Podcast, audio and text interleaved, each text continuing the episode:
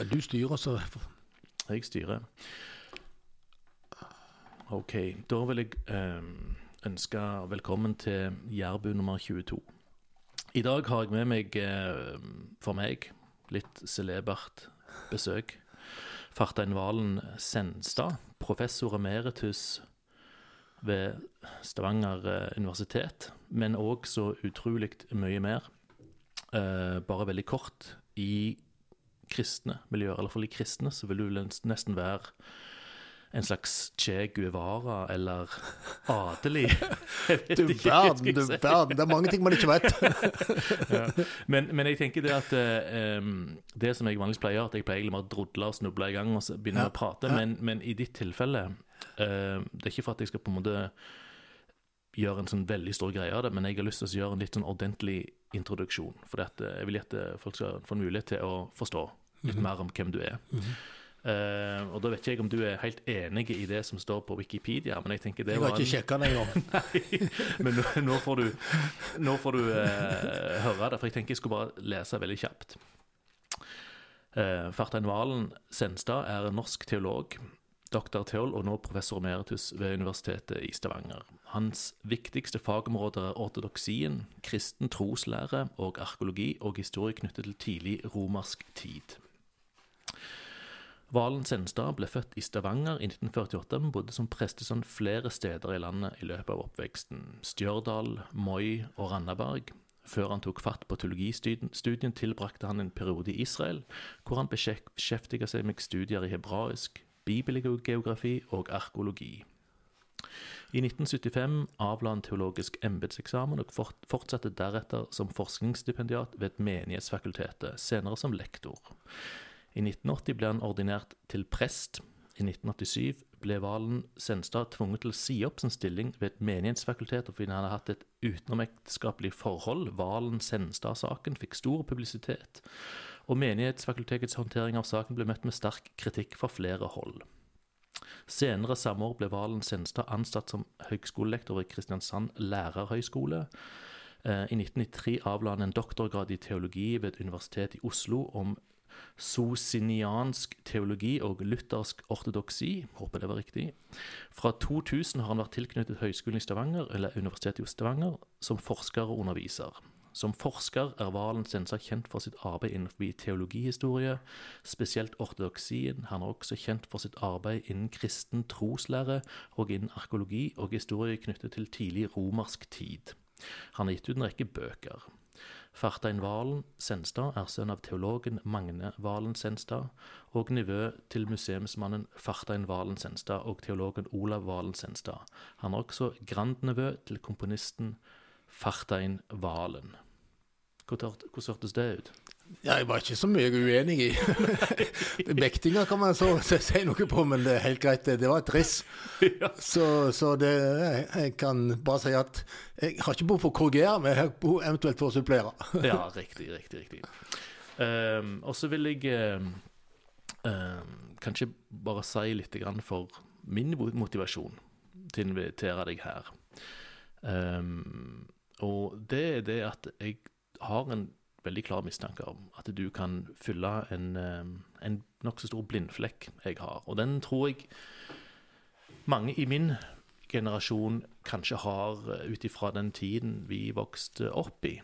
Um, og det er det som på en måte handler om kristendommen som en sosial bevegelse, dens historiske betydning dens siviliserende kraft, da, fra romersk tid øh, opp videre fra altså, reformasjonen, Hans Nilsen Hauge, alt dette her. Fordi at det, Min generasjon vi vokste jo opp i en tid, vil jeg tro, når på en måte kulturradikalismen sto veldig sterkt i forhold til det som var pensum, øh, og det som på en måte ble betraktet som ja, viktig da, at vi skulle lære. Um, litt sånn analog til det, da. Ehm, jeg hadde alltid òg en sånn vag fornemmelse av at rike mennesker var veldig slemme og fæle. Og det tror jeg òg handla om en sånne, sånne, små drypp man fikk gjennom oppveksten, gjennom skolen og sånt. ikke sant? Og så lærte jeg jo senere, når jeg fikk møte veldig mange rike mennesker Og de var jo, er ofte veldig, veldig hyggelige og sympatiske og gode mennesker. Eh, og så tror jeg òg at eh, man har hatt en slags innebygd skepsis til kristne, kristendommen, eh, på litt sånn samme måte.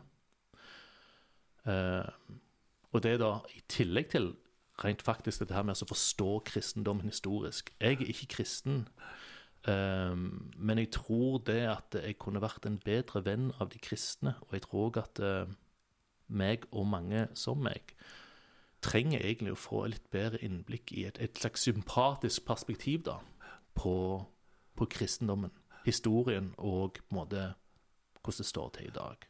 Var det veldig mye? Var det, ga det mening? Ja, altså Poenget med, som jeg hører her, at det å møte historier, det å se historier, og det å få tak i kanskje noen glemte trekk, mm som kan inspirere, og åpne opp i forhold til det bildet og den tenkning rundt kristendommen som en har. Mm. Det er ingen tvil om at når en begynner å grave historisk, f.eks. til tidlig romersk tid, til eh, De var 20-30 stykk i år 30, mm. og i, i eh, slutten på 300-tallet så var de 30 millioner. Ja. Og det var halvparten av Romerriket. Og da spør han seg jo da, hvorfor, hvordan kunne det gå sånn? Og når du graver der, så kommer du ned på grunnvannet i hva er det med som er sentralt i kristendom. Ja. Og det var ikke læra, men det var omsorgen, fellesskapet, det som braut med de sementerte mellommenneskelige forhold hos romerne.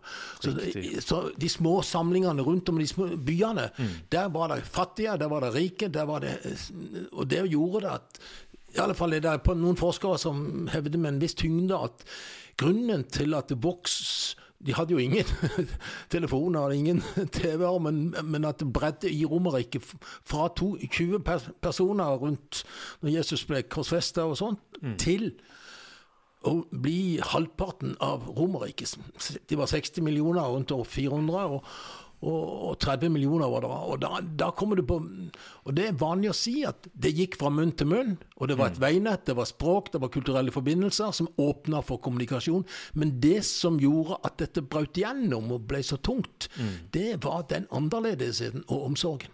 Ja, riktig. Og det er egentlig og det er på en måte Sier du egentlig det som vi har en sånn anelse om, ikke sant? At det, i den historien du møter, så er det gjerne romertiden. Og så er det på en måte dens særpreg man lærer om, og så blir man presentert med det. Og så er det på en måte bare litt grann eh, konflikt, og så Herodes i Midtøsten, bang, og så er det Jesus på korset, og så er det, så er over, så er det ferdig, liksom. ikke sant? Men akkurat denne brytningstiden, ikke sant. Altså det der med um, Sånn jeg forstår det Altså Synet på mennesket. Mm. altså verdighet, alt dette her i romertiden, den, den, var radikalt annerledes enn det som på en måte den kristne læren kom med. Det var en enorm revolusjon, eller? Ja, det blei det. Altså, det var, altså kan, Så kan du si på lang sikt så tok jo kristendommen opp i seg elementer av det gamle Romerriket òg, med hensyn på hierarkier og sånne ordninger mm. som, som ble også i den i, på Opprinnelig så var det egalitært. altså det, Nattværen og fellesskapet, det var det Kristen, Kristendom var egalitær? Ja, mm. det var, det var, de samla seg. Og mm. du ser disippelskaren, der var det det var den eh, rikeste, de rikeste. Det var kona til finansministeren i Tiberias. Hun var med som sponsor i Jesusgjengen. Mm. Og så var det ulærde fiskere. Og så var det var folk som hadde tilknytning til fariseere og til miljøer med viss sånn kunnskap og måte å tenke på. Alle mm. disse her ble på en måte knytta sammen. Det var spenninger, jeg skal ikke unnlate det. Men det, det var noe nytt. altså, For det Romerriket var veldig lagdelt. Og det var sånn at Hvis du er rik, så kunne du ikke omgås fattige. For de fattige måtte invitere deg ja. og gi det samme som det, du, som det de ga. Mm. Og det, det, betydde at det sementerte. Så jeg har mange ganger utfordra folk til å si at hvorfor ble Jesus korsfesta? Ja, det hadde noe med hans kritikk av tempel og sånn, men det hadde også en sosial dimensjon. Han brøt med det som var la oss si, limet i samfunnet, nemlig lagdelinga. Ja. Og hvis lagdelinger Lagdeling, altså det er en slags sånn kastetenkning? Ja, i hvert fall den utgaven at eh, de rike mm. og øverst Rundt deg var det gjerder, slik at man ikke omgikk andre. Ja. Og Det betyr at her var det, var det sementerte eh, lagdelinger. Mm. Ikke sånn kasteopplegg, det er det jo i Østen, men, ja, ja. men, men, i prinsippet noe av det samme. Mm.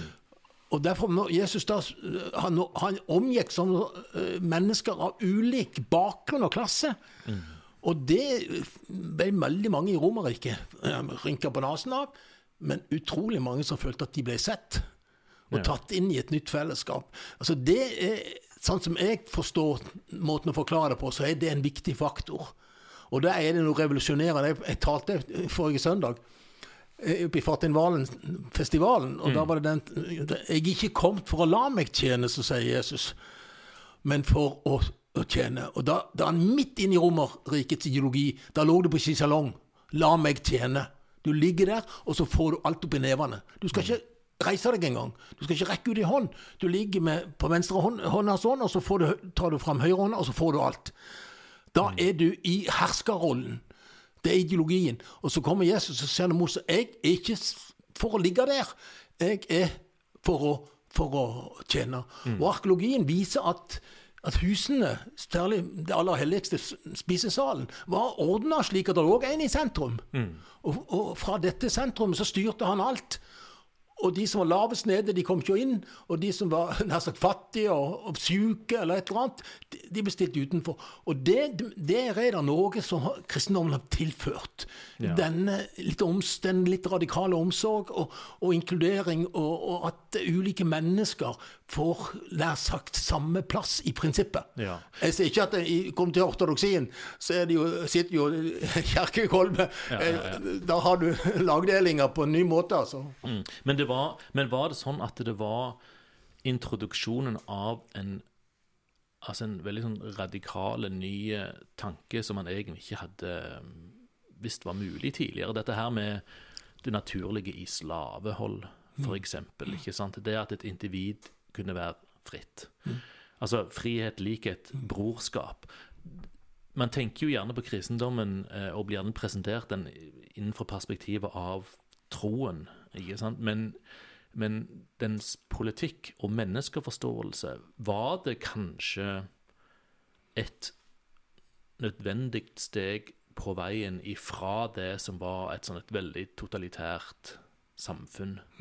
Eh, Et menneskesyn som på en måte ikke forholdt seg til en idé om menneskelig frihet i det hele tatt, til et liberalt demokrati i dag, på en måte. Og så ble det sekularisert på veien, eller Ja, altså, det er, er en, en linje der. Ja.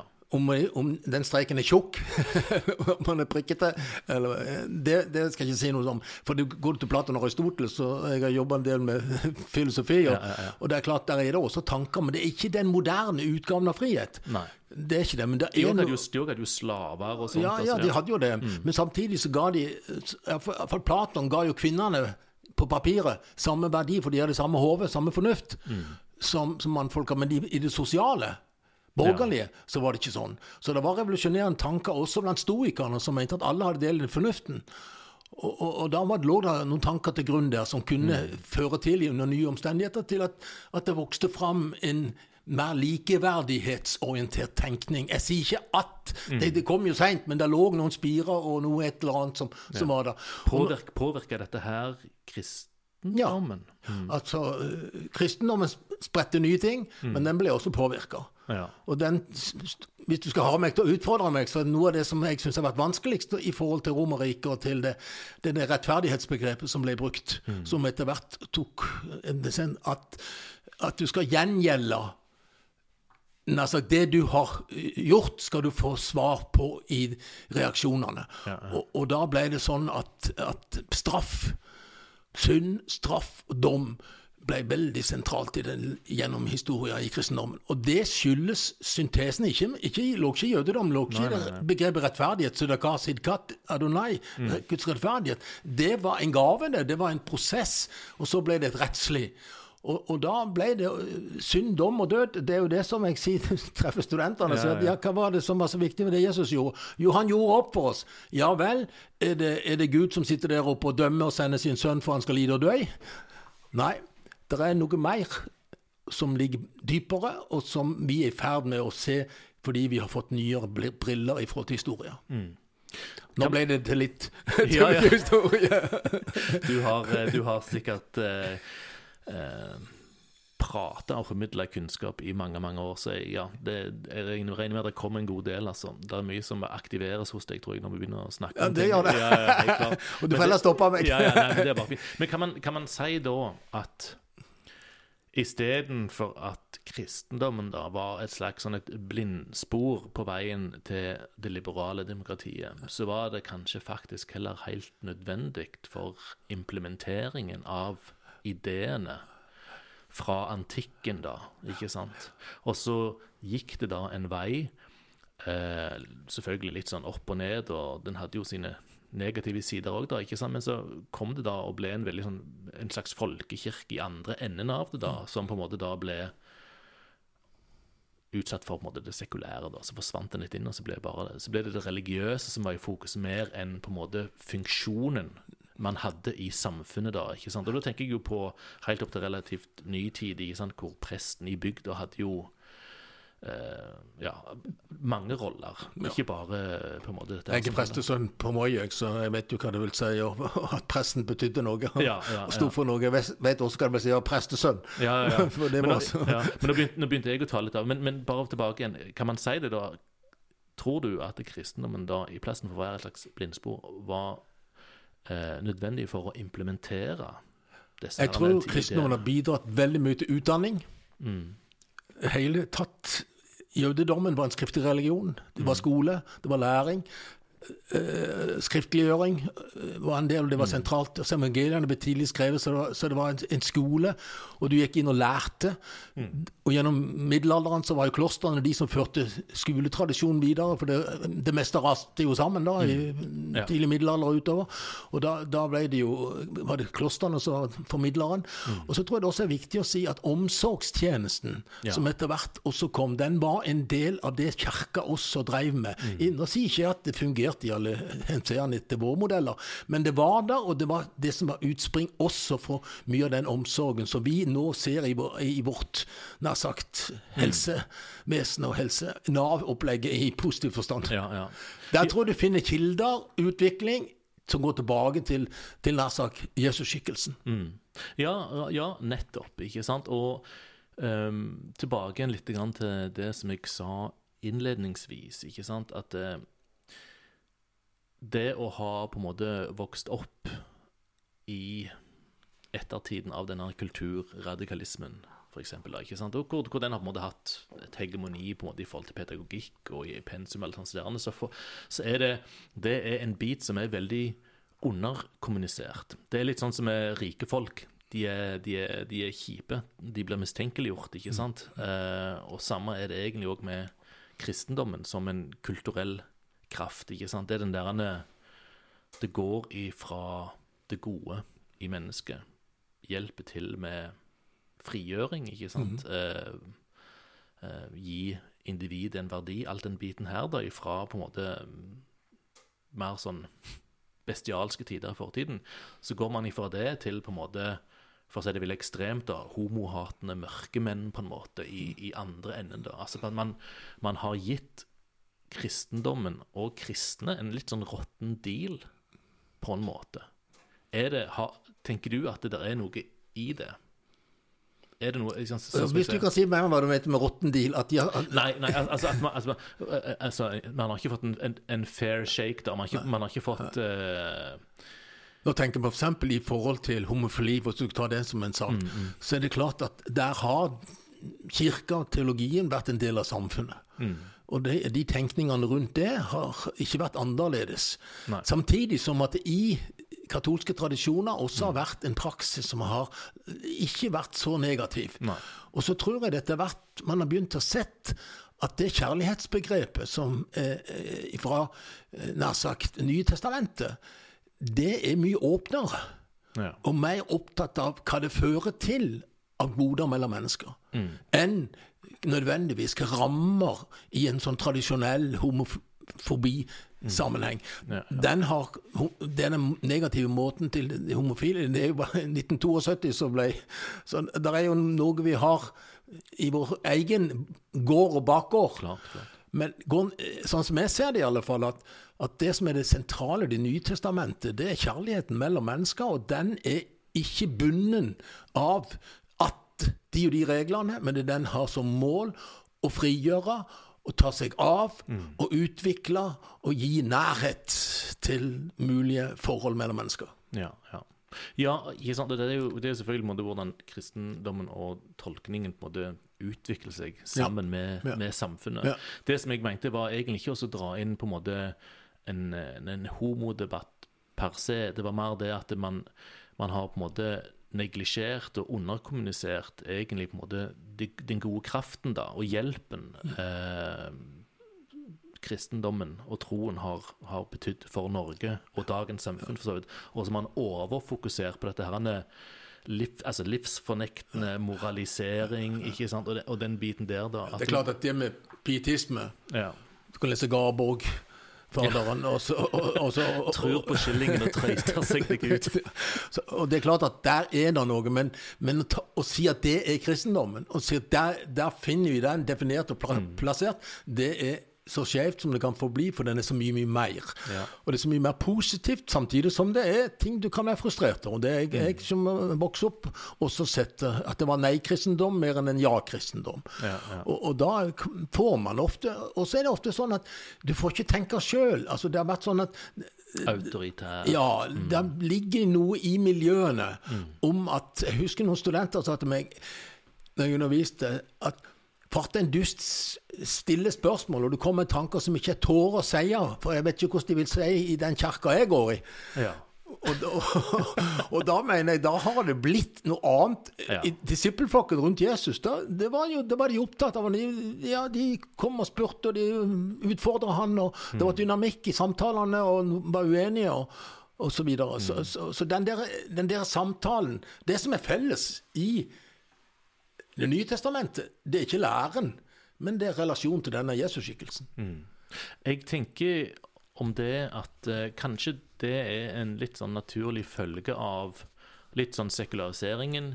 Den herrene eh, nedvurderingen av kristendommen, og kristne òg, for så vidt. ikke sant? At da, da faller jo veldig mange av disse herrene med et litt sånn mildere og moderat sinnelag, de faller jo av. For de ble, de ble, jo- de ble jo aldri sosialisert skikkelig inn i en kristen tro, slik man gjør hvis man er eksempel barn av kristne da, ikke sant? Og da står man ofte gjerne igjen med de som har litt mer sånn et ekstremt og strengt sinnelag. Kan det ha noe med, med det å gjøre, at det er en sånn naturlig konsekvens av det? At kristne miljøer blir litt sånn, De har iallfall blitt det. ja, Og, og hvorfor de har blitt det, sammensatt. Men at, at man har opp, etablert et livsmønster, en væremåte, som etter hvert har vært opplevd veldig problematisk. Og sånn som jeg, altså, ja, Du er kristen, du, Fartin, og du, du er jo full av godt humør. og Du er jo på Bryne og ser på fotball. Så, men altså, den, den type livsutfoldelse som man har følt har vært vanskelig, det, det mener jeg er ikke kristendommen, men det er kulturen. Og den måten man har lest bud og ordninger, oversatt det til lokalkultur og til ordningskulturene i oss og, i oss og mellom oss. ja. Og, ja, og, for, og for ordens skyld da, så vil jeg jo selvfølgelig bare si, jeg har jo homofile venner òg. Og det er jo klart um, Det har jo vært en enorm og kolossal belastning for enkeltskjebner, selvfølgelig, som har på en måte blitt født inn i sånne miljøer. ikke sant, som har, og, ja. men, men det er jo nettopp dette her med å på en måte prøve å, å nyansere det litt, og så òg det å få et litt mer sånn korrekt altså bilde av historien, og for å, for, for å forstå samtiden, rett og slett. Ikke sant? Eh, gjennom bakover man skjønner innover og nåtid. ja, ikke sant? Og, og um, jeg, jeg har jo vokst opp her på, på, på Jæren som en uh, arbeiderklassegutt på et byggefelt, og tilfeldig at jeg kom inn i en slags altså, høyere utdannelse. Det skjedde tilfeldig gjennom musikken. Jeg er den eneste i slekta, på en måte, ikke sant? Og, um, men, men, men sjøl når man på en måte da tar, får lov til å ta litt del i den her europeiske historien, altså det så, så er det all- allikevel Du merker det, at det er likevel veldig påvirka av på en måte de politiske seierherrene, eller ikke, eh, eh, ikke sant? Altså, Makta. Altså, ja, ja, det er ikke og, og, og ikke sant, dette her, det er også, synes jeg også er interessant, dette her med at du, du står innenfor akademia. ikke sant, For at eh, For å si litt morsomt, da, den her altså, postmodernismens uh, radikalisering av postpositivismen, ikke sant? Altså at, det, at man uh, Historien har mista sin autoritet. ikke sant? Alt skal kunne tolkes akkurat dit man ønsker ut ifra politiske overbevisninger. Og, Brukssituasjonen. Ja, ja, ikke sant? Forbrukssituasjonen, vil jeg også si. Ja, ja, ja. Men samtidig, så, for, for, samtidig så hvis du som historiker begynner å orientere litt vitenskapelig, ryddig med forhold til kriterier, Mm. så finner du linjer som også er troverdige, selv om Ja. de er omstridte, og selv om de brukes forskjellig. Iallfall jeg som har jobba litt med Romerriket, Ja. og, med, med Herodes den store, f.eks., som jeg har jeg, Noen sier at jeg har gravd meg inn i han og aldri kommet ut.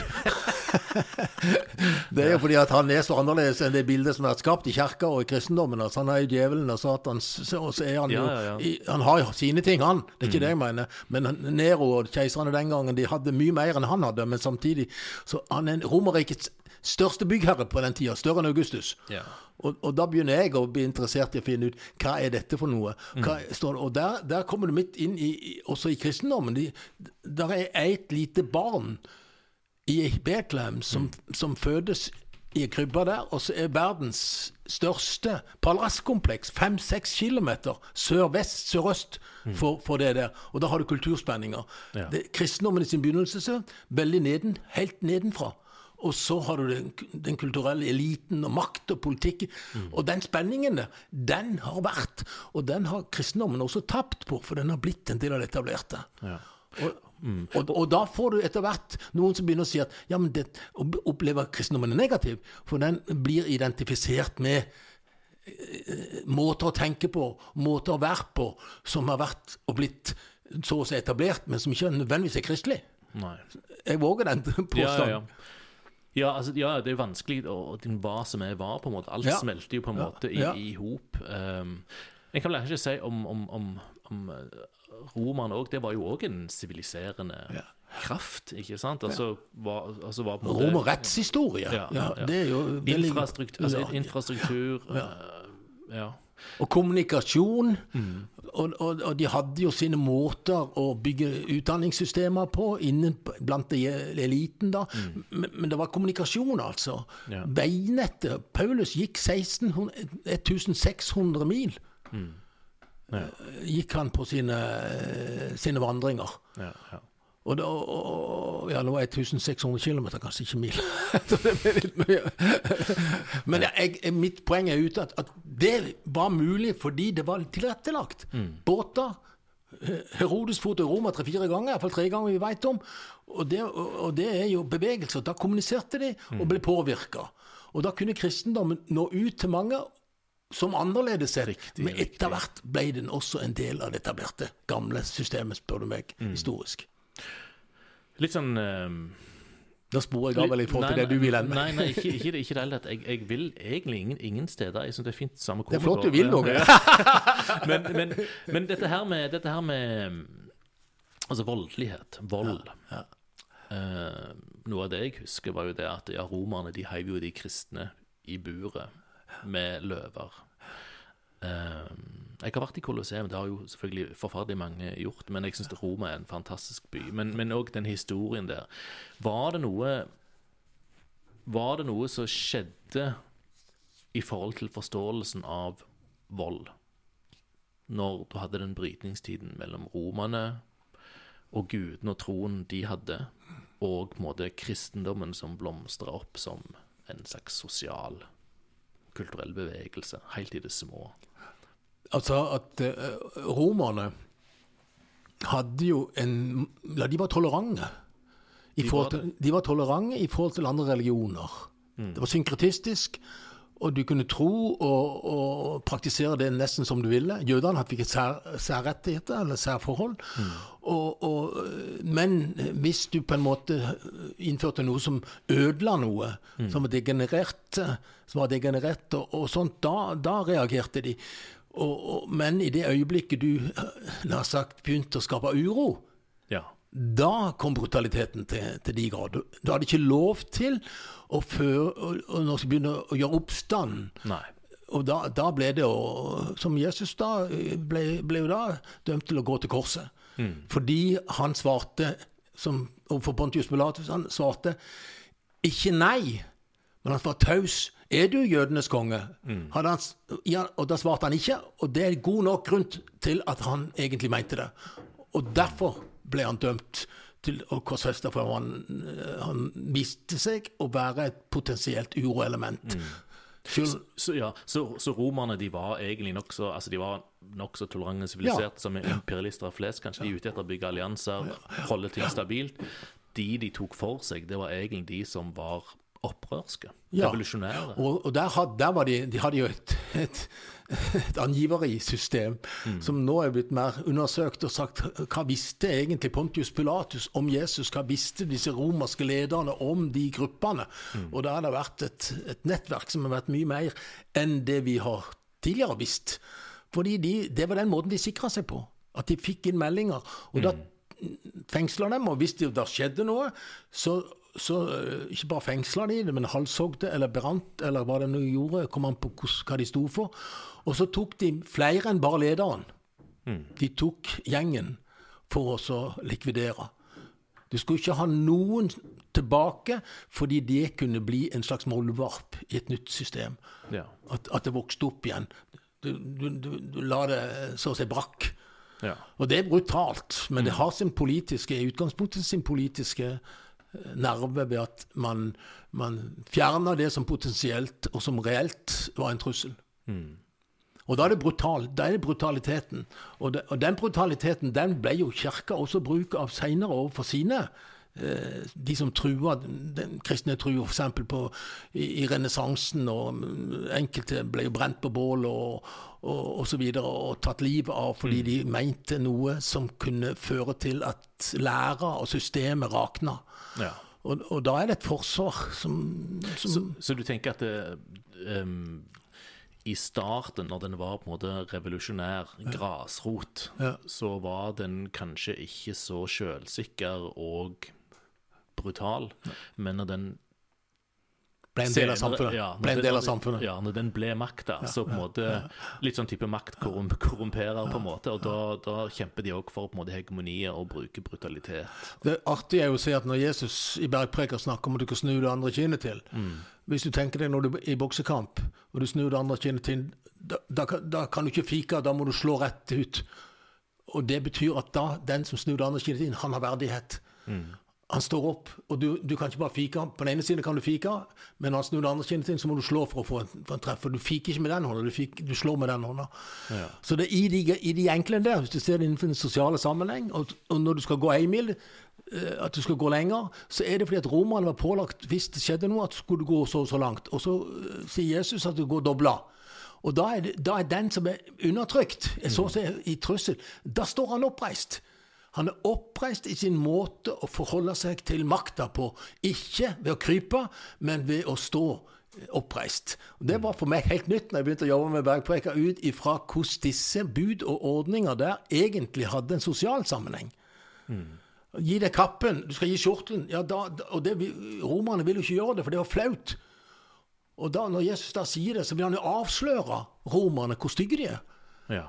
Så, så her var det små giftpiller Litt sånn som Gandhi? Ja, det er en lukter litt der at det er en væremåte der som ja, ja, ja. avkler motstanderen. Mm. Og setter han i, i litt dårlig lys. Ja, ja, ja. Og det, det, hvis man kan forme noe av det, så får du en, en, en, bevegelse som vil gi frihet, gi mm. mulighet, på en måte som ikke er sverd. Ja. Men på en måte som er holdning, eh, atferd, som ikke slår, men som åpner. Mm. Jeg tror det er noe utrolig grunnleggende, det er Gandhi, og det er flere gjennom historier. Ja. Man, det fungerer hvis man deler på en måte et slags moralsk fellesskap i bunn. ikke sant? Da fungerer jo på en måte metoden ja. til Gandhi. ikke sant? Det er jo det som på en måte har vært litt sånn kritikken av den her hyll, altså, hyllelsen av på en måte pasifisme. da. Ja, det fungerer bare hvis du på en måte har eh, et felles grunnlag med de du på en måte står opp mot. For hvis blir du bare hogd ned, og så bryr det seg ikke. Og det er vel på en måte um, Litt sånn hatten av til, til, til romerne, da. ikke sant? At det, Var det det de gjorde? At de holdt opp et speil til dem? og se hvor brutale dere er. Er det sånn dere vil være? Også, også, også... Det ligger jo det i bergpreka. ja. Hvis du, hvis du mente det, så ligger det jo i den måten som Jesus praktiserer forkynning på, så avkler han og sier at eh, Og viser også ved å ta seg av de som hadde blitt slått, eller som var statt, satt utenfor. Og da er han en motgift, noe annet Ja. enn det som det etablerte maktsystemet er. Og derfor er han en trussel, altså. Han blir, en, blir på en måte en trussel for det etablerte. Så, ja, ja, så han, ja, ja, så kanskje han til og med ga blueprintet til Gandhi, for alt det vi vet. Ja, altså du går og ser, se Hvis du først er inne i dette sporet, så er det, er det, er det forbindelser her. ja, ja det, kan, det kan jo godt være. Uten at det er årsak-virkning, så er det slektskap. Ja, ja. Eh, interessant, interessant. Jeg tenker sånn ehm, For Norge i dag, ehm, hva vil du si kristendommen har betydd? Og da tenker jeg gjerne liksom sånn type reformasjonen og Hans Nilsen Hauge og, og dette her, da. Ehm, det var jo et skille hvor man brøt ifra på en måte den katolske kirken. Ehm, og så ja, ble man protestantisk, på en måte. Du har du levde med din far, dere har reist rundt, du har bodd med og, og sett på en måte det. Hva, hva tenker du om Hva er din forståelse av kristendommen som en Ikke som en tro, men som en kulturell og sosial kraft i Norge?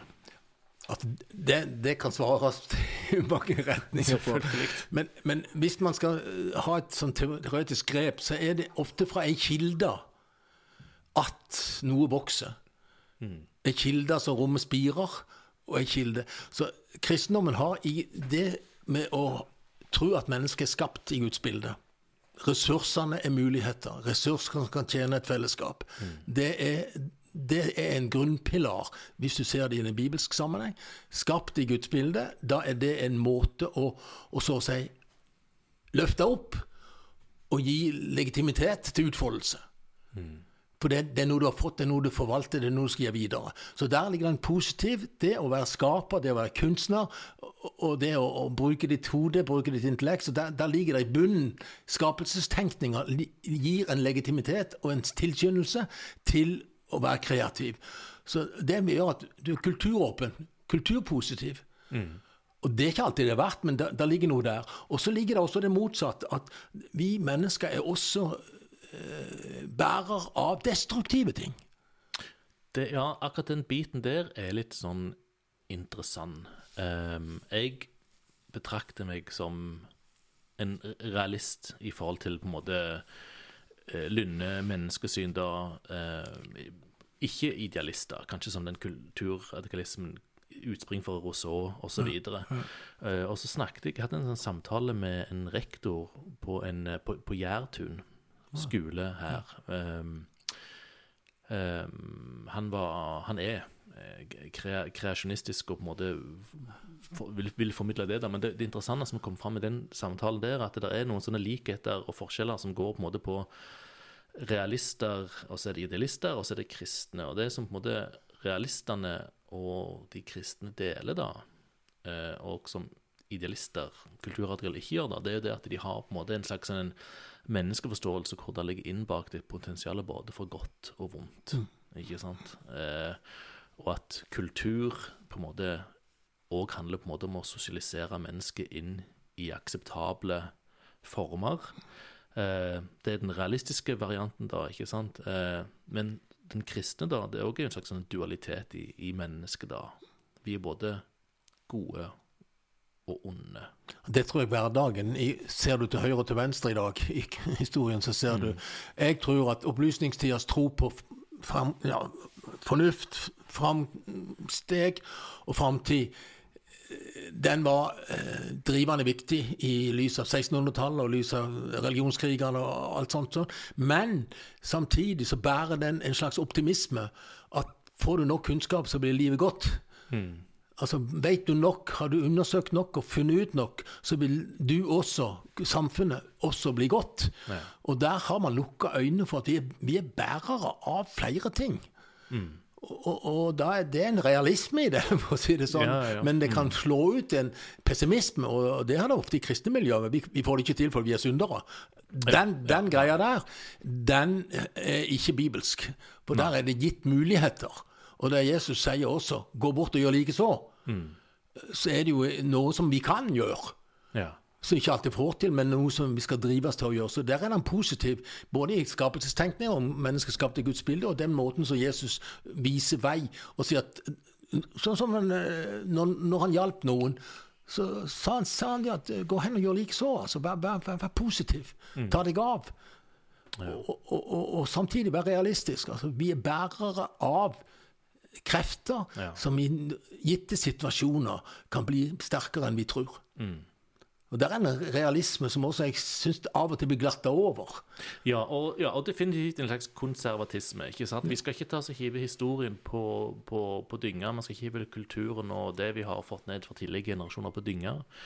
Fordi at uh, de er med, det er med på å sivilisere oss. Det er ikke det at uh, man er ikke mørkemenn, ikke sant, eller eh, Hva skal man si?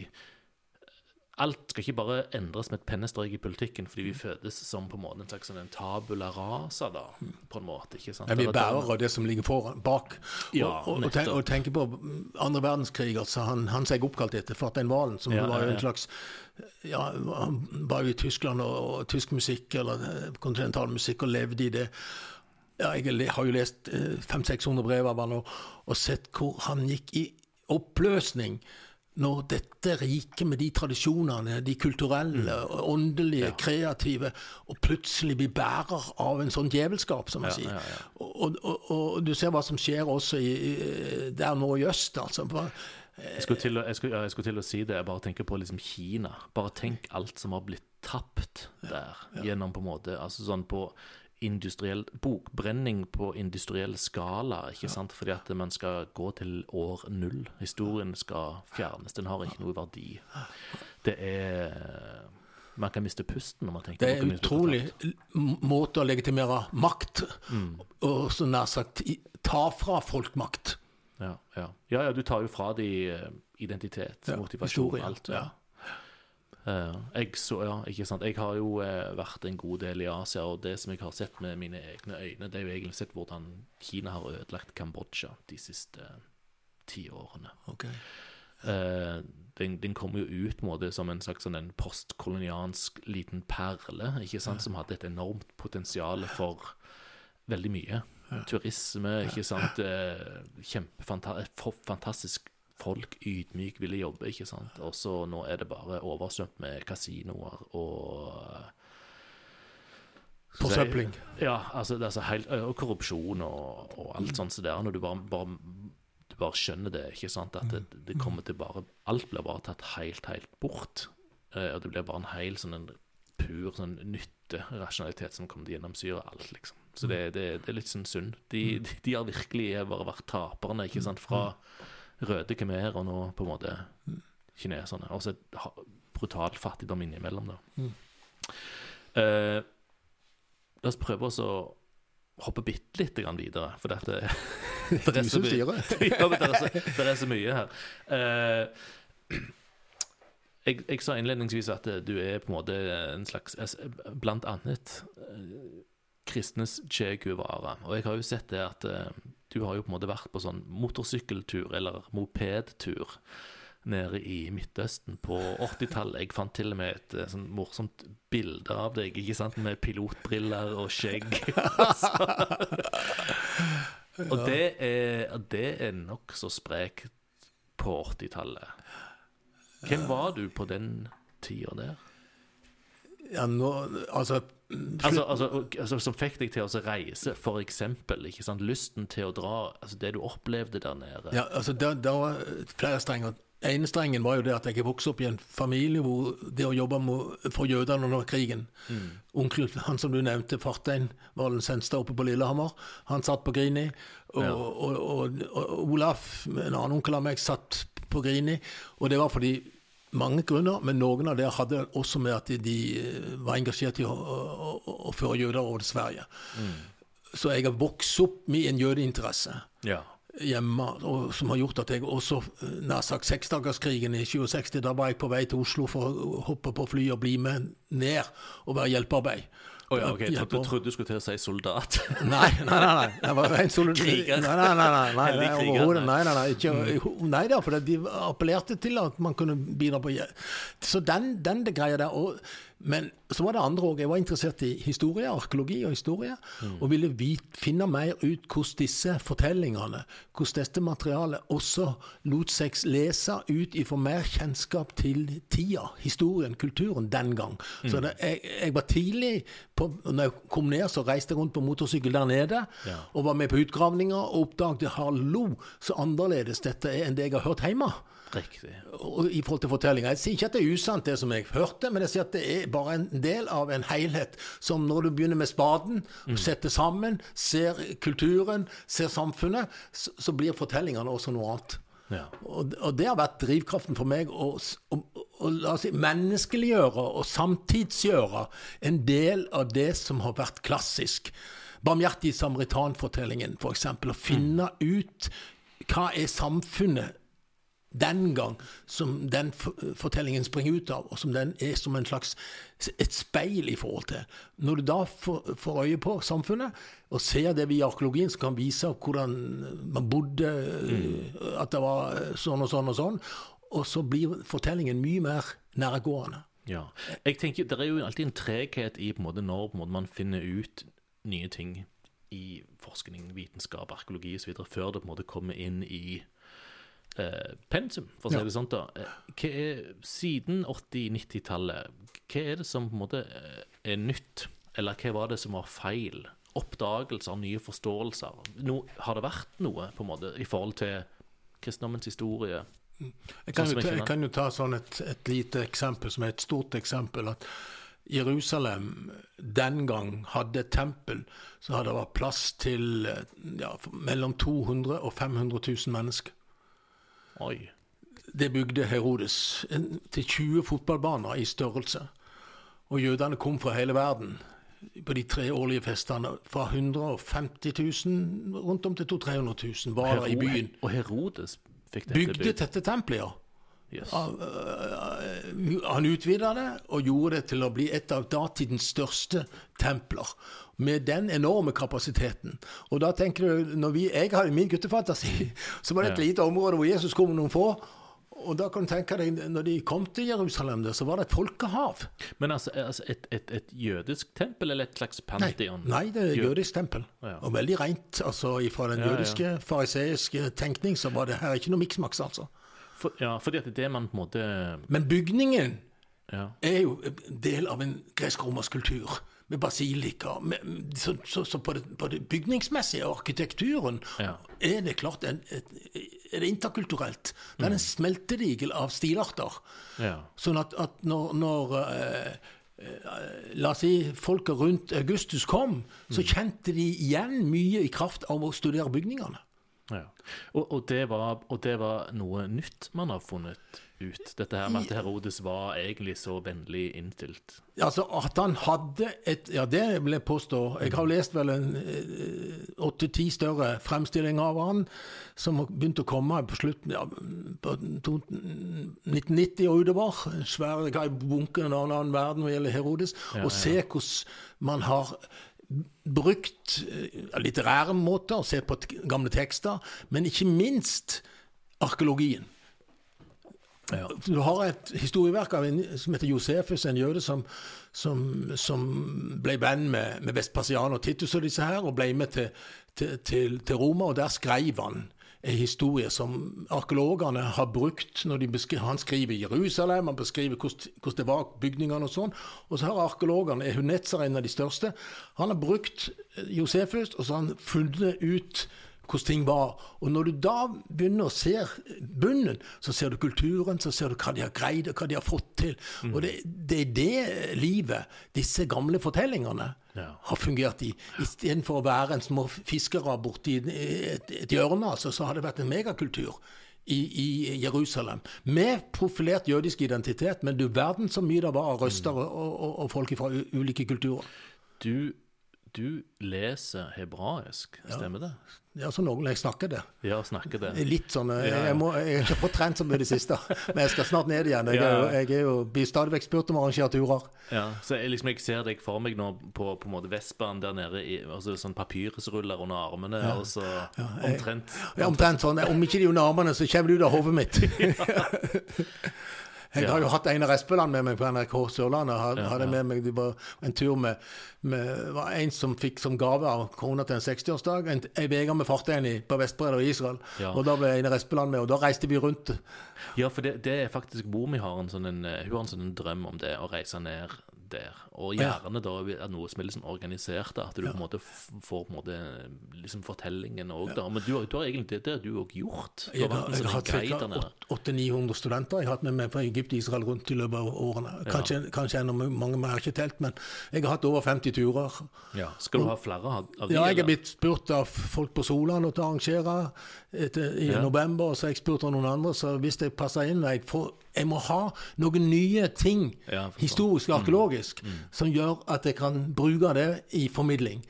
Mor min hadde definitivt blitt med. Og så er det med for meg stefar, for han er redd for alt som er på en måte sør for Spania, for der er det bare krig. Jeg reiser ikke ned for å holde andakter. Nei, nei, nei. Jeg sier til folk at den fromme greia, som jeg har respekt for, Mm. Den, den, den, den tar folk Jeg serverer historie, serverer fortellingene, og så tar folk de reisende sjøl. Ja, For ja. det, det er mange kristne grupperinger som reiser ned og så har mye andakter rundt for meg. Det har jeg forståelse for, Mm. men jeg har lyst til at, å ha med ulike grupper av mennesker som kan møtes i samtalen rundt kulturen, og Ja, samtalen av sentrale bibelske fortellinger. Mm, mm. For dette, du, er jo, du er jo på en måte akademiker, forsker. Så Du har jo en interesse som går vidt langt utenfor bare dette her med trosaspektet. Ja, Eh, Men likevel, det er interessant det du sier, at du, du, altså, du ville reise ned under seksdagerskrigen. Ja. Du, du har en interesse. eh, Og så snudde det. altså Det var en periode hvor jeg var pro-israelsk på altså fram til langt ut på 70-tallet. Ja. Så, så var jo israelerne var trua. Mm. Ja, ja, ja. Og, og var trua. Men så etter hvert så har jeg også sett, og jeg har mange venner på de israelere og, palestinere, og sånn, så, så, så har for meg jeg, jeg har mye forståelse for jødene sin opplevelse av trussel. Mm. Men jeg ser også at de som er marginalisert og fratatt mye, det er palestinerne. Ja, det, ja og, og det er en sånn fin sånn Segway til det jeg, det jeg ville spørre om. Um, for dette, man merker jo det at i kristne miljøer så har jo på en måte Israel og jøder en helt spesiell plass. Um, og, og, og det på en måte vil jo sikkert i aller fleste tilfeller, spesielt for de som ikke har vært og reist så mye som det du har, det vil jo på en måte påvirke de Selvfølgelig. Sant, Politisk. Ja, Ja. sant, i forhold til forståelsen av konflikten der nede og sånn. Ja.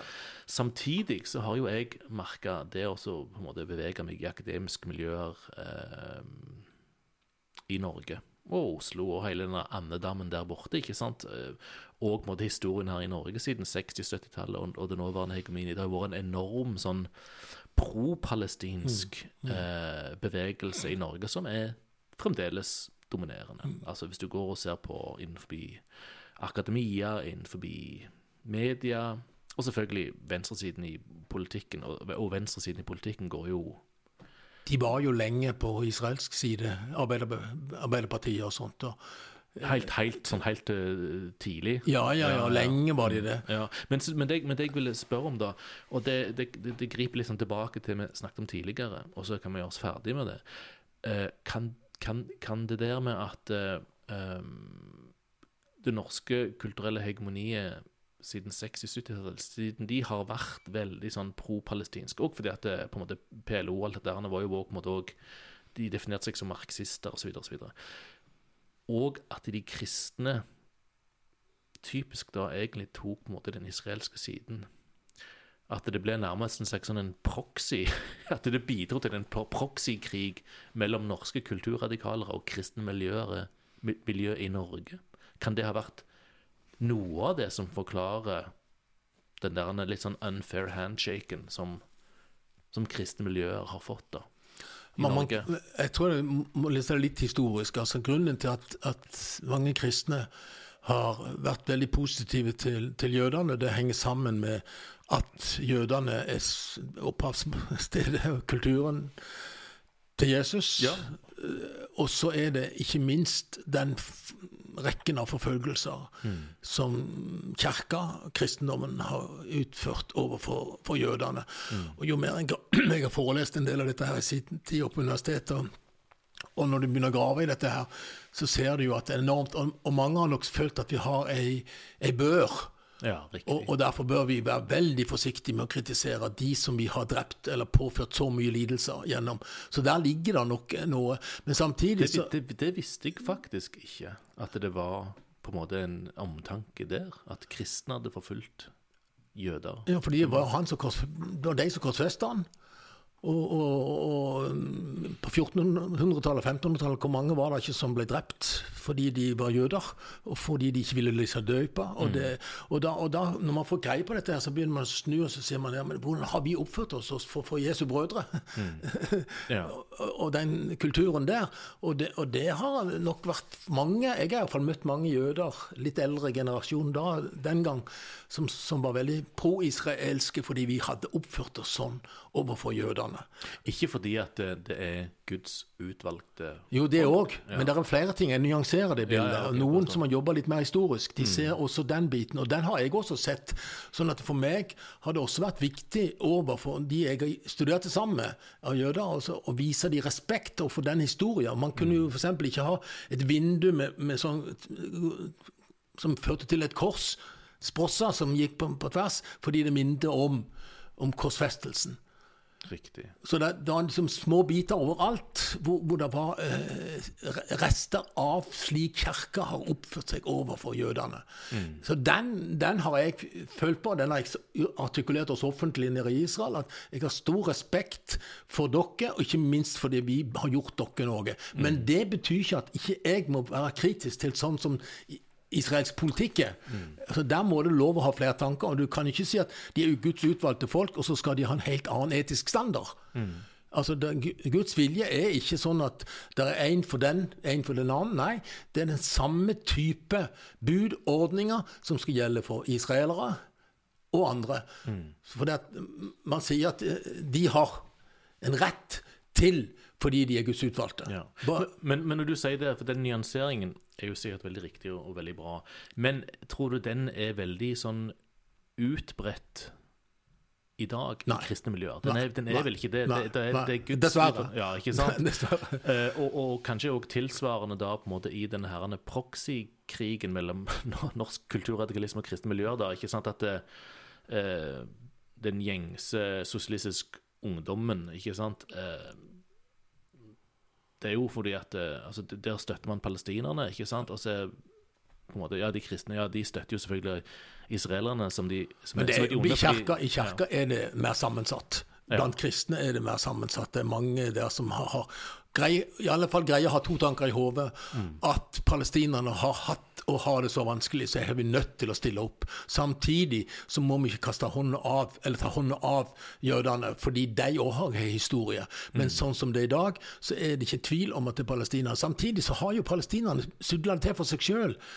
Fordi De har de, de har en, noen kamper internt, Hamas og Fatah. Og, og disse her eh, Det er jo jammen ta meg ikke så lett å se at når du gir penger der nede, så havner de i lommene eh, til noen ledere, Ja, ja, ja. ja, ja, og ikke komme ut til palestinerne. Fordi, ja, for det, du, du, du, du følger og engasjerer deg i den konflikten. Og jeg selvfølgelig har hatt Hva skal jeg si eh, eh, Noe òg som måtte kanskje kjennetegne min generasjon, ikke sant, er jo det at vi har sånn Midtøsten-konflikt-fatigue. ikke sant? For at den konflikten har jo drona på TV-skjermen i bakgrunnen siden vi var Siden vi klarte å forstå språk, ikke sant? Og frem til i dag. Um, men du, du følger dette fremdeles, eller? Og, og, ja, ja. og engasjerer deg Jeg i det? jeg vil ned for å se på marka hva som skjer. Ja. Ikke for å ta det via avisene, men Mm. reise rundt i områdene i nord, i ja, palestinske områder, se Mm. bosetninger, se hvordan ting fungerer og hvordan det er. Da, da, da får jeg kjøtt og blod på den ideologien og den praksisen som er der nede. Mm. Ja. For det, det er så unyansert, det som blir presentert i media. helt, helt sikkert. Det som, det som, uh, det som jeg har tenkt uh, noen ganger, er det at eh, jeg stiller meg jo egentlig spørsmål etter hvert For jeg har jo vært og reist, men jeg har vært andre steder. Og det er jo så mye, mange ting som skjer, og menneskelig lidelse osv. Og, så videre, og, så og så spør jeg meg sjøl liksom, hvorfor, hvorfor akkurat her? Hvorfor akkurat dette her? Hvorfor må vi alltid følge med på akkurat dette her?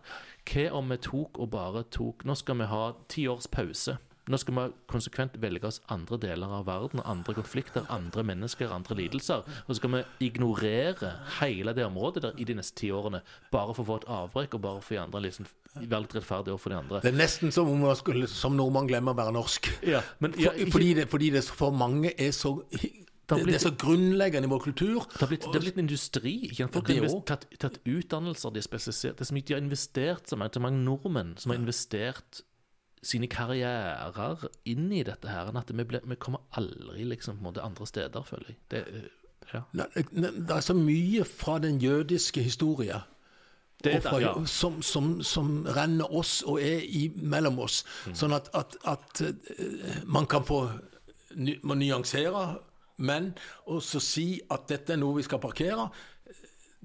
Så lenge det er kristendom og kristne, og for Men, den saks ja. skyld muslimer, Ja, så vil det være en brennende glød på feil måte, av og til på god måte, og av og til på feil måte. Mm, Ja, men jeg, jeg har jo da selvfølgelig perspektivet til en ikke-troende. Gud Ja, har ikke snakket med meg ennå. Og, og, og, og for meg da, så er det ikke noe Det, det er ikke noe altså Jeg vil ikke, ser jo på dette her som både kulturelle og sosiale bevegelser, ikke sant? Ideer.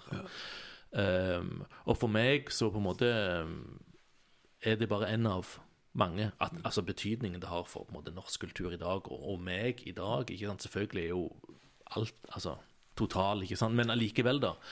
eh, Nei, det, er, det er mye mindre. Altså, sett fra det perspektivet så er det klart at Israel, altså jøder og konflikten, Mm. konflikten, Palestina-konflikten er ikke så brennende som den er for veldig mange andre, i kraft av nærhet til jødedom, Riktig, til kristendommen som har røtter der. Ja, og det er det jeg mener. ikke sant? Og, og liksom, Hva om vi bare tok en pause i det neste årene? Nå skal vi fokusere på Latin-Amerika eh, og ja, Men, Asia men så, kommer vi, så kommer vi til jul, og, så er det, er det Herodes og, og, og hele historien. For noen, ikke sant? Jo, jo, men, altså, ja. men, men det er generelt kulturelt. Ja, ja, ja. Og jeg ser hvor mange som Jeg har jo vært på radioen på dette her i forhold til eh, livet og, hverdagen hverdagen rundt år null. Mm. Ja. Og, og hvor mange som da eh, nær sagt reagerer og henvender seg fordi det er en interesse i det. Jeg sier ikke at det gjelder alle, men at det fremdeles er en glød og en historisk interesse. Mm. Og så kommer du til påska, så er det også knytta til det. Selv om det da er bananer eller appelsiner mest sånn, så er det, er det altså Jeg blir ringt opp hvert år omtrent. Har du noe tilføye nå fra arkeologihistorien når det gjelder påska? og, det, og det er jo ikke fordi jeg vil det, men det er fordi at det, det er også fordi NRK eller for disse her mediene, så er det noe, noe som er der. Og, og jeg, jeg er den mening at det hadde vært fordelaktig om den konflikten konflikten Ja. der nede ble parkert. Og man var mer interessert i kultur og strømninger av den type ting som gjerne har røtter der. Selvfølgelig, for det, det blir jo en slags støy. Altså Det er forferdelig å redusere det til det, men liksom tilbake til dette med at man hører den hatt den droningen på TV siden man var tre år gammel, ikke sant? så er det sånn at det blir på en måte støy. Og så er det jo den ekstra dybden i det hele, da. Dette her Men nå for eksempel, så foregår det jo ting med, med, mellom palestinerne og israelerne som ikke kom til media. Som jeg har begynt å finne på andre nett, fordi nå konflikten i Ukraina Ja, eh, ja. opptar oss sånn at vi omtrent orker ikke å høre nyheter. Det er så mye av det. Ja, ja, ja. Og, og da er det ting som skjer der nede. Hadde ikke den konflikten i, i Ukraina vært der, så hadde det vært masse mer fra, fra det. Det parkeres når det er konflikter som rykker nærmere. Ja. Ja, ja, det er jo klart man har på en måte et nyhetsbilde, Ja, da, ja, ja, jager, ja, man, eh, jager man det, på en måte. Mm. Bare en liten sånn en eh, noe eh, et Apropos.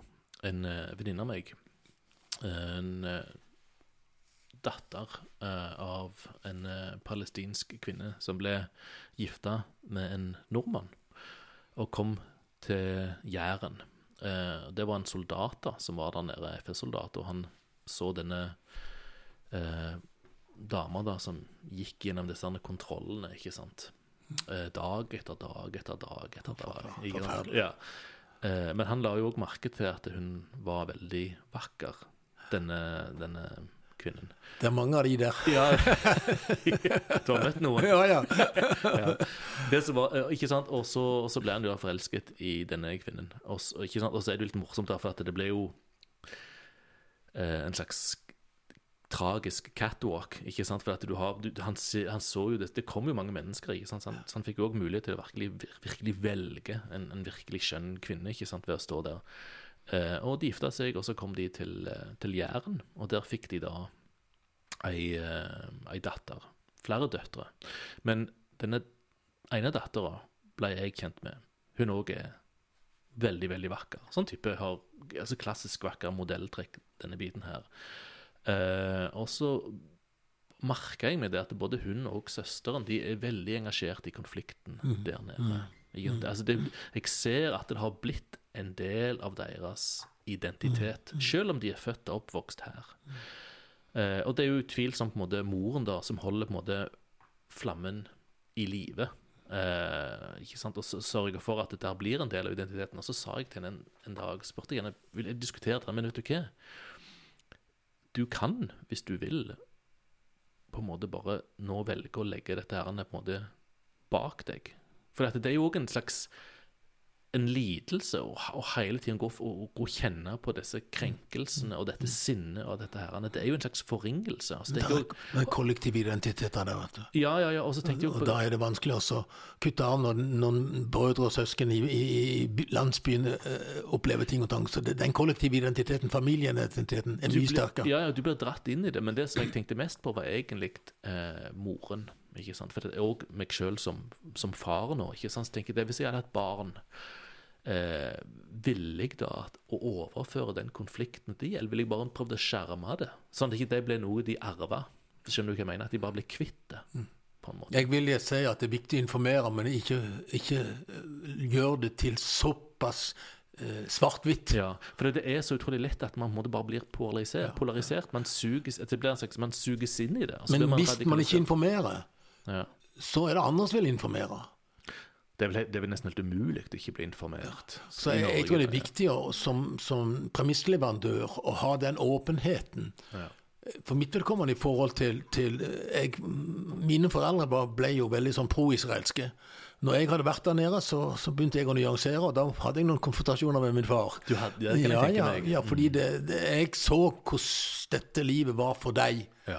og hva israelerne gjorde, også i Libanon i gitte perioder på 80-tallet. Mm. Og dette, var, dette, syns, dette reagerte jeg, som veldig mange andre reagerte på. Og, og dermed også tok du et oppgjør med denne ensidige støtte. Og, og da er det viktig, tror jeg, å si at her endrer man synspunkter, og så er man inne i en videreføring, men man prøver å nyansere. Jeg tror at hun f.eks. gjerne må se at det er viktig å bringe videre, men det er like viktig å bringe videre noe som endrer noen av de holdningene som er der nede. Det, virker, altså, det virker bare egentlig så umulig å komme ut av det, på en måte. Altså dette her med ja, altså krenkelsene, og så blir det en del av, en, en del av ens identitet, ikke sant? Og så, ja Og det er fordi det pågår. Det pågår. Sant? Det pågår hele veien at de blir fratatt rettigheter og, og menneskeverd og sånt. Og, det, og når det er en del av familien, en del av historien, og du har den kollektive identi- identiteten, så, så får de telefoner, og så snakker de, og så dukker de opp kontinuerlig, altså. Ja. Ser, du noe, ser du noe ende på den? Nei. Nei. Nei. Ikke sant? Nei, Jeg har tro på at eh, Som Terje Rød Larsen sa en gang for mange mange år siden, så jeg jobba litt sammen med han da, så sa han at når du kommer langt nok ned, så er det gått opp. Men jeg tror at dit har vi ikke nådd, sjøl om det har kommet mye for mye langt nok ned. Det vil si, for mye har skjedd som har vært vondt for den ene, mer vondt for den ene part. Eh, Jeg, jeg tror at Jeg har jo et håp om at det kan komme noe på ideologisk plan, praktisk plan, som sier at man gjør at man begynner å se på hverandre med nye øyne. Det, altså, når jeg er sammen med palestinere i gamlebyen i Jerusalem, når jeg er sammen med oppe i Vest-Jerusalem, og har en, en prat med disse her, så, så merker jeg jo eh, hvor dypt denne her Og dette er blant akademia-folk, altså. Ja. Altså, det, de er kritiske. Samtidig mange jøder som er åpne for å lytte til at vi har ført en gal politikk i forhold til palestinerne. Mm. Da, så det er et mulighet for noe, men det er ikke politisk vilje til det. Nei, Og så ser man jo egentlig liksom sånn nye generasjoner av ja. sånne settlere, altså ja, ja, ungdommer. ikke sant? Det er mye fra amerikanerne òg, da. Det er amerikanske jøder som kommer ned og er mm. de mest fanatiske. Eller svært ofte fanatiske. Det virker nærmest som på en måte at det er altså, altså, at verden på en måte liksom oscillerer. ikke sant? Altså, det, er store konflikter, ikke sant? gradvis polarisering, og så ja. smeller det, ikke sant? og så roer det seg litt, grann, og så, så, kommer det tilbake igjen. Så kommer det tilbake igjen, ikke? Og, nå, og nå er verden på vei til å på en måte Ja, frontene blir steilere og steilere, ikke sant? Og så bare for forhold til hva som skjer i USA, men òg kanskje litt grann her i Norge. Jeg vet ikke. Ja, det er vel egentlig her òg. Akkurat nå så er det dempa litt pga. konflikten eller krigen i Ukraina. så der, ja, ja, ja. Man, man, har begynt å tenke vi må holde sammen. Vi må mm. finne en løsning, stå sterkt, vi må få bygge opp forsvar og sånn. Så det er liksom en del andre krefter enn til og med de på rød side begynner å snakke om at det kanskje man skal være i Nato. I alle fall vil man ikke si per definisjon at som rød på venstre side, så, så skal vi ut av Nato. Det, det har mykt, mykt opp der, og da, da er det det, ja.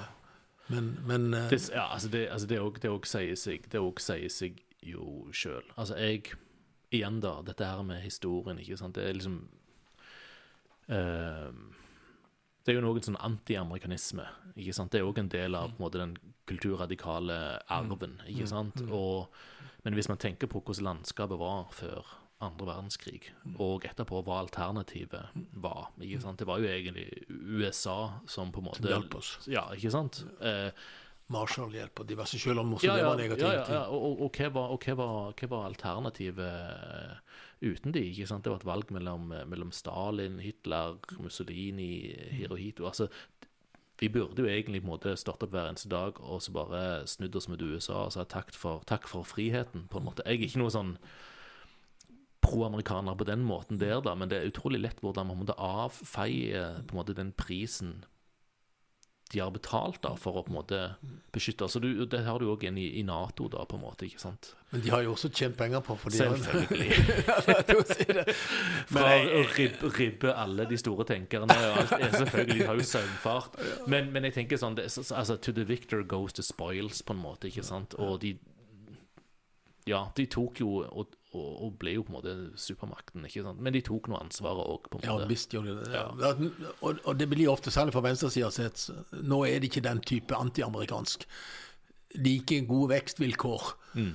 med at vi har de eh, altså Det er de som kan stå opp mot hvis det blir en trussel mot fra øst, mm. som mange tenker seg hvor realistisk det er, det er helt annet bord. Men, men, det som har skjedd i Ukraina, det har gjort at man har fått et mer positivt syn på amerikanernes nærvær.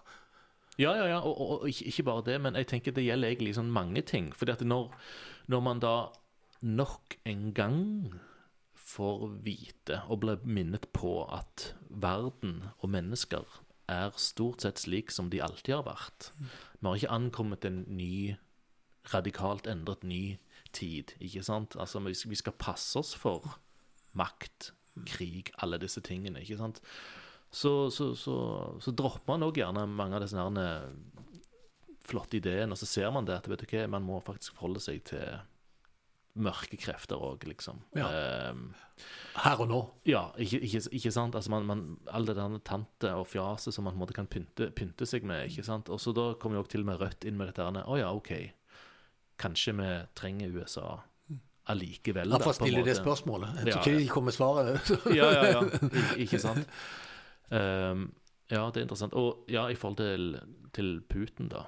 Eh, det er òg interessant å se på en måte hvordan han, har, hvordan han fremstiller seg selv nærmest som en slags sånn en eh, tyrann ikke sant, fra forrige århundre, både i måte, bilder og sånn. Så, så jeg hørte nettopp på programmet også om hans, hvor sentralt han er i forhold til all mulig slags økonomi eller Altså, eh, han sitter på mm. milliarder av penger, og han har eh, kontroll på eh, økonomisk kriminalitet.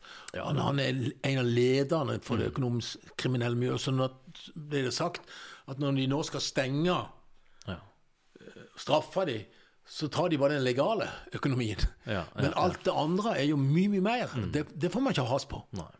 Han har vel, altså Alt er vel sånn vertikalt integrert Ja. under han. Han kontrollerer egentlig alt. Verdens rikeste mann, verdens mektigste, kanskje. Men du, Ja. eh, vi, vi, vi hopper fra det ene til det andre, og fint er det. Men jeg tenker det at eh, Hva gjør du på om dagen? Altså, du er nå pensjonert professor. Professor emeritus. Em, du nevnte noe om at du holdt på å jobbe med et stort arve Ikke arvet oppgjør, for du har arva alt etter Fartein Valen, komponist. Komponisten, ja. Ja. Og, eh, Konserthuset i Stavanger heter jo Fartein Valen. og så har vi Fartein Valen-festivalen. Ja, det er jo mange som, det mange som ikke vet måte, hvem, hvem han er, og jeg vet ikke sånn veldig mye om det sjøl. Men, men for ikke å forsvinne helt inn i det med en gang Men dette her med Hva er det du har arva for noe? Ja, så jeg arver eiendom. av alt som har etterlatt til han, partiturer og eh, Så jeg har en svær eiendom oppe i Sveio. En eh, enebolig bygd fra 1901 til 1903. Fire etasjer, tre etasjer. Og den har jeg renovert og gjort i stand sånn at komponister og musikere og Nå nettopp bodde det en som skriver, de holder på med en tysker som holder på med doktorgrad om Fartein Valen mm. fra, fra, fra Halle. Og, og han eh, bodde der oppe ei uke. Ja. Og, og, og ulike. Arve Tellefsen, Leif Ove Ansnes, alle disse har vært og spilt i heimen min der Ja. oppe. Og, og kom inn der, for der satt Fartein Valen og skrev sine For han ble statsstipendiat i 1935 og flytta hjem til Valevåg i 38. Og der var han til han døde, og da skrev han de største verkene. Så når de kommer, Arve Tellefsen kommer der og så spiller violinsonaten eller, eh, Så når han spiller noe av den musikken som går- går rett inn, så er han eh, Så sier han ja, her, her, her, her er det godt å være. Ja. Her er det en atmosfære. Og, og, og det, har- for meg har det vært å ivareta det. Pusse det opp. Gjøre det tilgjengelig. Og være med på å, spre den musikk og musikkarven. ja. Jeg har skrevet en bok om han òg, altså, ut fra, Ja. brevene og sånt. Ja, for dette, dette her er jo eh, Dette her er på en måte ikke bare kroner og øre. Du, du, du skal forvalte på en måte et, Ja, jeg har ikke tjent et øre på det. Det kommer til å koste mer å holde Ja, det. det gjør det, ja. ja. Men det, du er idealist. Der har, har du noe av den pietistiske greia. At her skal du pine deg sjøl, og skal du stille opp. Ja. Så du er, du, er, du er mye der oppe da, og overser et sånt renovasjonsarbeid? ja, jeg er oppe der og steller hagen, er oppe og tilrettelegger, er oppe der og organiserer ting og, og sånt. Så det er jo en eiendom på fem-seks mål som jeg nå fikk en svær robotklipper som er firehjulstrekk. Så nå slipper jeg å slå mm, plenen der oppe fire til seks timer hver gang jeg kommer opp. Ja, ja, ja. Så, så, så, og det har vært å se på Kommunen også er nå veldig interessert. Nå var det en konsert i, i Vidjartun i, i, i, i Sveio, hvor det var 450 mennesker som var inne og hørte hvor Valen, Bergensfilharmonien, var der og spilte. Ja. Og det var eh, fullt hus. Og det, nesten sånn at jeg nesten måtte klype meg i av Normalt er den musikken veldig vanskelig tilgjengelig. Atonalt. Det, det er klanger som er Ja, ja. annerledes. Men, men nå ser en jo at, at dette, når de blir fremført profesjonelt ja. av, av et større ensemble, Mm. og det kommer folk, så kommer folk ut og sier ja, jeg har ikke hørt så mye på denne musikken før, jeg, men, men nå syns jeg faktisk jeg kunne høre at jeg likte det òg. ja. Jeg har hørt litt grann på den, en kirkegård Ved havet, eh, ja. havet, ja. Ja, det- Eh, og igjen det dette med det A-tonale. Det, altså, det er jo eh, Det er klanger, harmonier som ikke er der, som de er Nei. tradisjonelt. Ikke sant? Det, det er gammelt, men det er jo veldig moderne. Ja, visst er det vel. Og de yngre Jeg ser for eksempel når jeg nå, en dame, en jente nå som har nettopp hadde en masteroppgave i eh, sangene til Fartein, og, og hadde sunget seg inn med Brukte et halvt år for å lære for å synge seg inn, for det var såpass krevende Oi. oppe på universitetet. Så jeg brukte et halvt år på så, og da levere bacheloroppgaven. Ja. Og det å synge noen Valen-sanger. Fartein, Fartein, Fartein Valen, komponisten, han var et geni, eller? Kan man Ja, si det det? tror jeg man må si. Han kunne sine ni språk, og han, Ja. han, han sier sjøl i et brev at ja, tidligere ble jeg sett på som et vidunderbarn, og jeg kan nok si at jeg har visse evner. Ja, men, men det viktigste er ikke evnene, men det er det å kunne gå dypt, ekte og sant inn i livet, også i toneverden. Ja, Jeg har etterligna han på stemmen. ja. Jeg har hørt han, så jeg, har jo mange ungene er jo i Valenheimen, jul, jul i Valenheimen. Ja. Og da er jeg fartein Valen en, en halvtime. Ja, ja, ja. Og hun andre fra, fra Sunnhordland museum, hun er søstera Sigrid, og så er vi overfor ungene. ja. Og, og, og det gjelder å, bringe dette her ut. Der, har du et, der har du fått et ansvar nå, Ja, tenker jeg. ja, jeg har hatt, hatt like med ungene. Mine unger sier at far han har to verdener, han. Det er Israel, og det er Valenheimen. Kanskje, kanskje det kunne vært eh, en av tingene for en eh, fremtidig episode i Jærbu, hvem vet? Men har jo veldig bra lyd her i studio. Det som jeg òg tenkte på med en kirkegård ved havet, har, har du vært nede på Varhaug? Nå nå på Jæren, ikke sant? Med Ja. kapellet. Ja, det har vært der via, via hun, eh, Marie Smith Solbakken. Har du det? Søstera mi gifta seg egentlig via seg i det kapellet der, faktisk. Men, men jeg, jeg, jeg, liksom, en kirke over havet, jeg tenker alltid på der. Når du, når du kommer ned der, og så har du på en måte disse gamle metallkorsene som står på en måte i det fine, klipte gresset, altså kapeller, så har du havet. Men kirkegården ved havet har jo noe med Kolera kirkegård. Ja, jeg forsto det sånn at det er en, del en spesifikk kirke. Ja, Ja, men, men det dramaet rundt havet, nær eh, kapell og sånn, det, det kaller tilbake, kaller inn noe av det som også kirkegården ved havet har i seg. Ja, ja, det er noe med det evige, det store. Det er drama. Ehm, ja, Fartein Valen.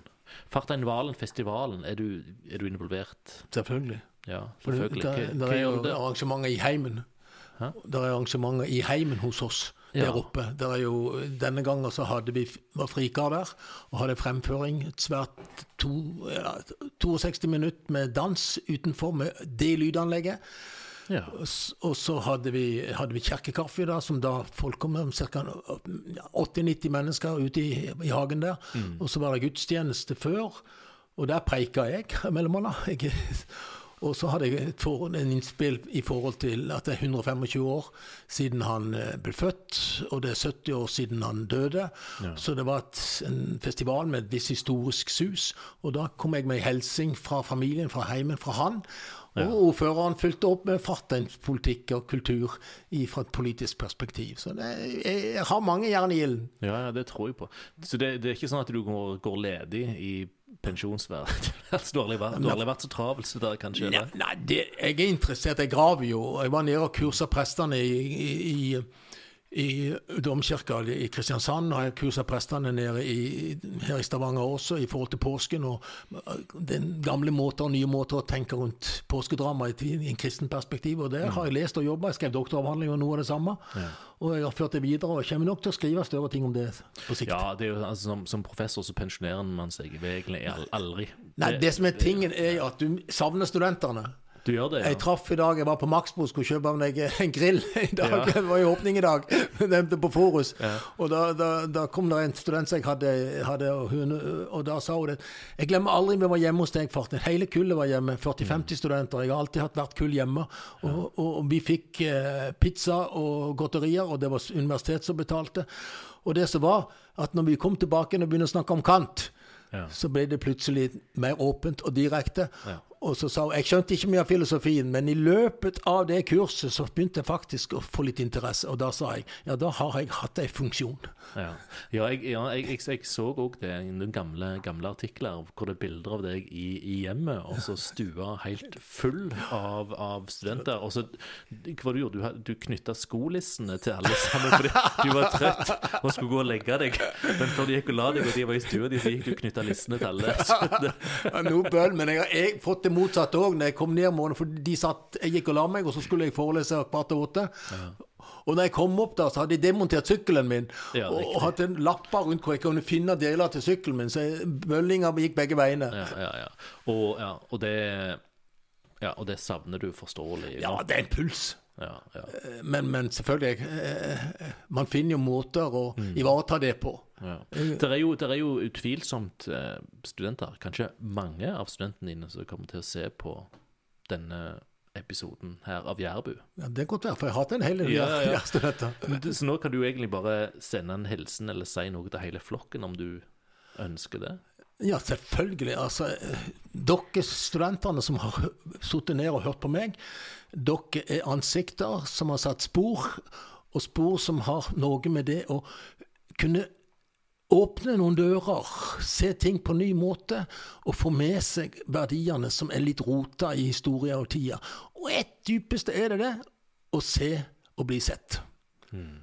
Det er min grunnleggende filosofi, sett, satt på en formel. Jeg ser, og jeg blir sett. Den dialektikken mm. der. Og det har vært mitt mål i forhold til studentene, å se dem, mm. og så sjøl bli sett. Ja. Det er ikke bare fromhet, men det er også dialektikk, samspillet mm. mellom å se og bli sett. Ja. Mm. Du lar de være subjekter. Ja. Mm. Lytte og lære. Like mye av de, deres måte å være på som, som, det som jeg tror Jeg kan nok lite grann, da, men, men du verden hvor mye jeg har lært av deres spørsmål. ja, ja, ja. Vet du hva, det har vært en, en, en vanvittig fornøyelse å, å ha deg her. Um, jeg tror vi begynner å nærme oss på den smertegrensen for uh, Ikke for meg og deg, vi kan sikkert fortsatt, men for, for folk skal høre på. Så jeg tenker vi kanskje vi, vi runder av. Ja. Det er mange andre ting jeg kunne òg godt tenkt meg å, å, prate om, men det får kanskje bli ved en annen anledning, Fartein. Takk for at du kom. Det ble litt mye fram og tilbake, hissen og pisten, men jeg, sånn tror det, jeg, tror, jeg, tror det, ble noe som man kunne fått ettertanke. ja, ja, veldig bra. Tusen takk.